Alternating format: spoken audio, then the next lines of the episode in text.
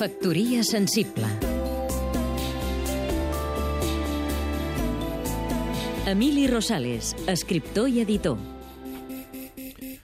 De vegades, diuen alguns, la nostra cultura pateix els efectes d'operar sobre un espai petit, sobre una demografia que sembla insuficient per admetre tot el desplegament de nivells i matisos que caracteritza una cultura de les de referència.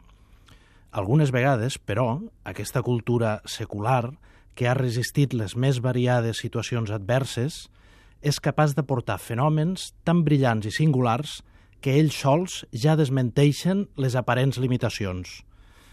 En el camp de la poesia, per ficar-nos ara en un àmbit ben concret, hem produït al llarg del segle XX manifestacions de primer ordre. Sense anar més lluny, estem celebrant l'any Vinyoli, un poeta que està al nivell de la més alta lírica europea del seu temps i que ha generat, ara mateix, tot de publicacions ben diverses.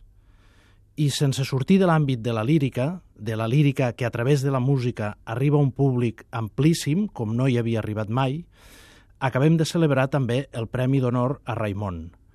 Les adaptacions que ha fet aquest cantant d'un poeta formidable però aspre, com Ausias Marc, o d'un poeta contemporani però complex com Espriu, el situen en el terreny de l'excel·lència i de l'èxit en qualsevol context cultural. Vull dir que Raimon, Premi d'Honor de les Lletres Catalanes, ha reeixit en una aventura cultural que és també un honor per a totes les lletres europees. Factoria sensible Seguim-nos també a catradio.cat.